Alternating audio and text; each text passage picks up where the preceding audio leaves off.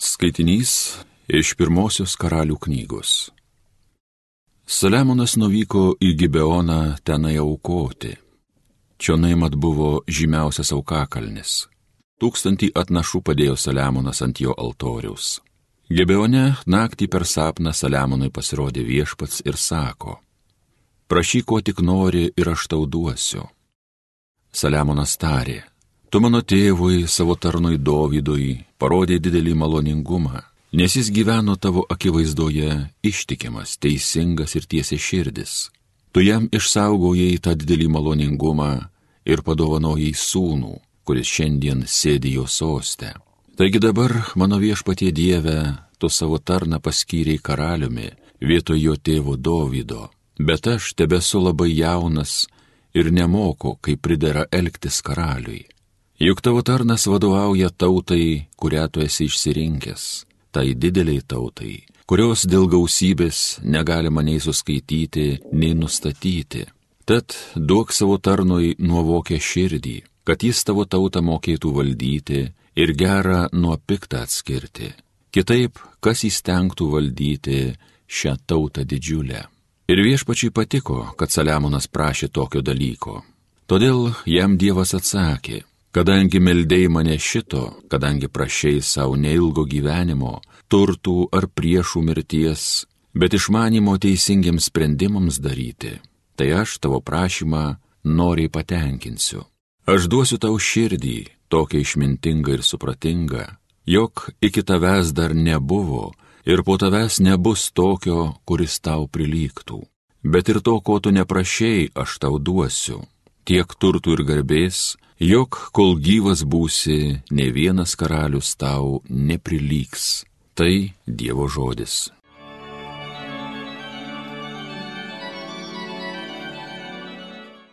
Mane viešpatie savo įsakymų mokyk.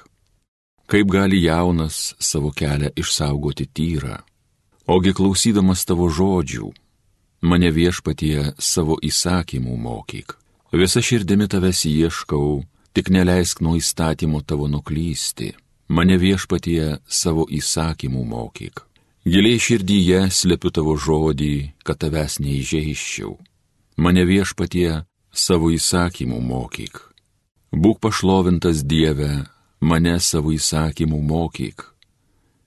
Mane viešpatie savo įsakymų mokyk. Savo lūpomis skelbsiu, kas tik tavo burnos pasakyta mane viešpatie savo įsakymų mokyk. Stovėdamas ant tavo įstatymų kelio, džiaugiuosi labiau negu lobės didžiausiais.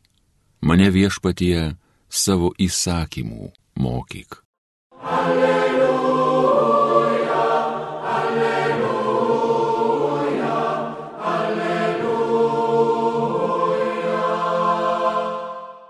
Mano sosavys klauso mano balsų, sako viešpats, aš jas pažįstu ir jos seka paskui mane. Alleluja, alleluja, alleluja.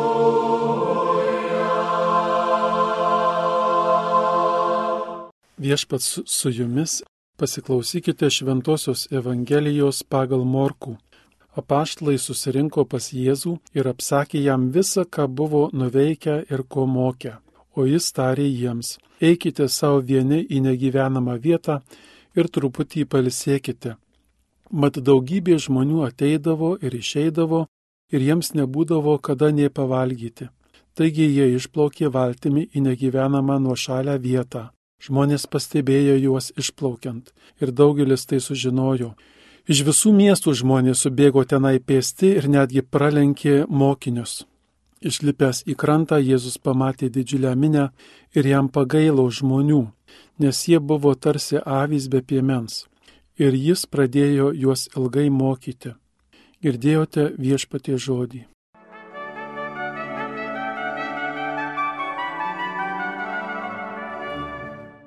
Mili broliai ir seserys, Morkaus Evangelijos ištrauka šiandien vėl kviečia mus pasvarstyti, pamastyti, ką šiom dienom kiekvienam, kiekvienai iš mūsų jį kalba. Turbūt tekia ne vienam ir ne vienai mąstyti Evangelijos tekstus, kurie prakalba su viešpaties malonė ir, ir visada nebijokime klausti ne vien teologiškai, ką reiškia šitas tekstas, bet ką man asmeniškai viešpaties žodis išgirstas arba perskaitytas šiuo metu kalba. Nuoširdžiai atvirai, taip kaip suprantu, taip kaip, kaip man šiuo metu kas nors rūpi. Vaizdas yra, kad pas Jėzų sugrįžta paštlai, kurie buvo daug ką nuveikę ir jie matė daug vaisių. Tikėkime, kad tai tas vaizdas buvo, kad, žinot, kaip vaikai kartais, kurie grįžta iš kokių nors rungtynių ir laimėjo, viens per kitą nori papasakoti, viens dar nebaigė, jau kitas pasakojo, taip kažkas panašaus gali ir apaštlai, kad pas Jėzus susirinko ir kalbėjo Jėzui, taip įsivaizduoja viens kitą, pertraukdami. Jėzaus atsakymas buvo, eikite savo vieni į negyvenamą vietą ir truputį palsėkite. Ir mes kiekvieną dieną taip įsivaizduotume, grįžtam po įvairiausių patirčių dienos ir šį Jėzaus raginimą primkime kaip, kaip vakaro maldą. Dažnai įpratę ypač tie, kurie turim norą skelbti Evangeliją arba dirbam darbus įvairiausius, ar dėl šeimos, ar dėl Lietuvos, ar dėl, dar dėl ko nors, dažnai mes, jeigu nesuklyščiau, vis žiūrim į priekį, vis žiūrim į priekį, ką dar daryti, ką dar daryti. Jėzaus kvietimas ir, ir bažnyčia dažnai kviečia vakaro maldai, nutilk, nurimk, prisimink, kas įvyko, pailsėk su tuo, kas įvyko viešpats nenori, kad mes būtum darbaholikai arba kartais vos nepasijustum Jėzaus vietoj vos net pirkėjais tampam, kad viską aš padarysiu. Man šitas kvietimas šiandien iš Evangelijos yra, kad eik pasimelsk, pasikalbėk su Dievu, apmastyk praėjusią dieną, dėkok Dievui, palsiek su viešpačiu į negyvenamą vietą, nebūtinai skubėk visiems pasakoti, kas įvyko, pats dėkok, džiaugis, atsiprašyk, kas nepavyko ir palsiek. Viešpats apaštlam sako, palsiekit, palsiekit. Tada vėl Evangelija, visai vėl kitas kraštutinumas, atrodo viešpats Jėzus moko apaštlus palsėti ir kad jie visi, ne vien tik tai pavieniui, bet visi išplaukė į negyvenamą nuo šalia vietą, bet juos žmonės surado, subėgo. Jėzus sako, arba apie jį pasakęs Morkos Evangelijoje, kad Pamatęs didžiulę minę, jam pagailo žmonių, nes jie buvo tarsi avys be piemens ir jis pradėjo juos ilgai mokyti. Kitaip sakant, Jėzus nutraukė polisį. Mėly broliai ir seserys, bažnyčioje tradicijoje dvasingume sakoma, kad daugelio šventųjų, jeigu imtume ir Tomą Akvinietį, kad dorybė yra viduryje, tai yra, kad tas auksas, tai ko viešpats nori, yra viduryje.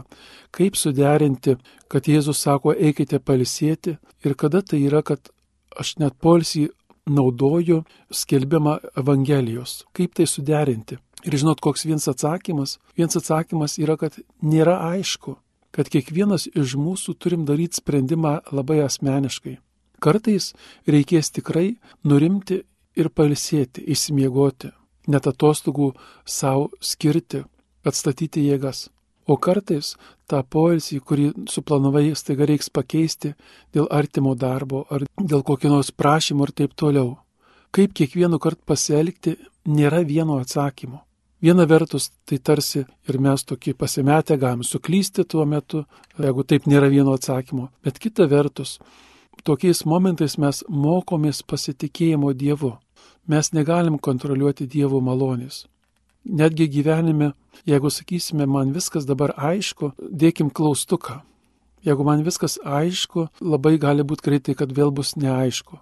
Tikėjimo kelioniai arba artimo meilės kelioniai mes kiekvieną dieną turim sprendimą daryti vis iš naujo. Žmonės kartais klausia, ar reikia aukoti visiems, kurie prašo, ar reikia aukoti alkoholikui, kuris prašo pinigėlių, ar reikia močiutei prie bažnyčios durų, ar reikia prie kur nors priekybos centro kažkas prašo.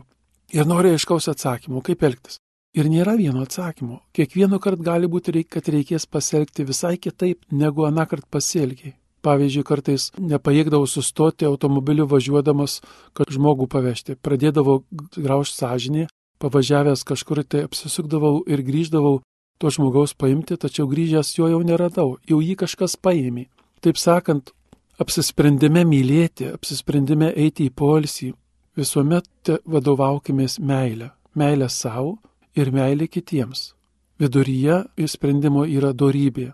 Ne vienas kraštutinumas, kad nuolat ilsėtis ir niekada neturėti laiko artimui. Ir nėra to kito kraštutinumo, kad e, taip nusivaryti nuo kojų, kad niekada negalėsi artimui padėti dėl lygos ar, ar dar ko nors. Evangelija mus moko pasitikėjimo Dievu ir Evangelija mus moko nebijoti daryti sprendimų, tada kai neaišku, nebijoti suklysti. Tokia yra mūsų kelionė.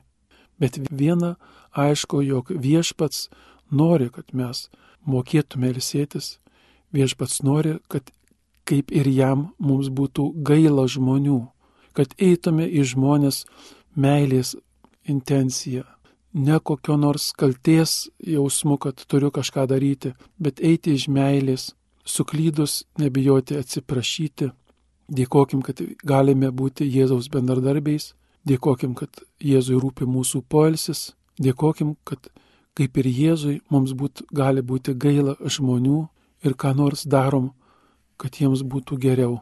Amen.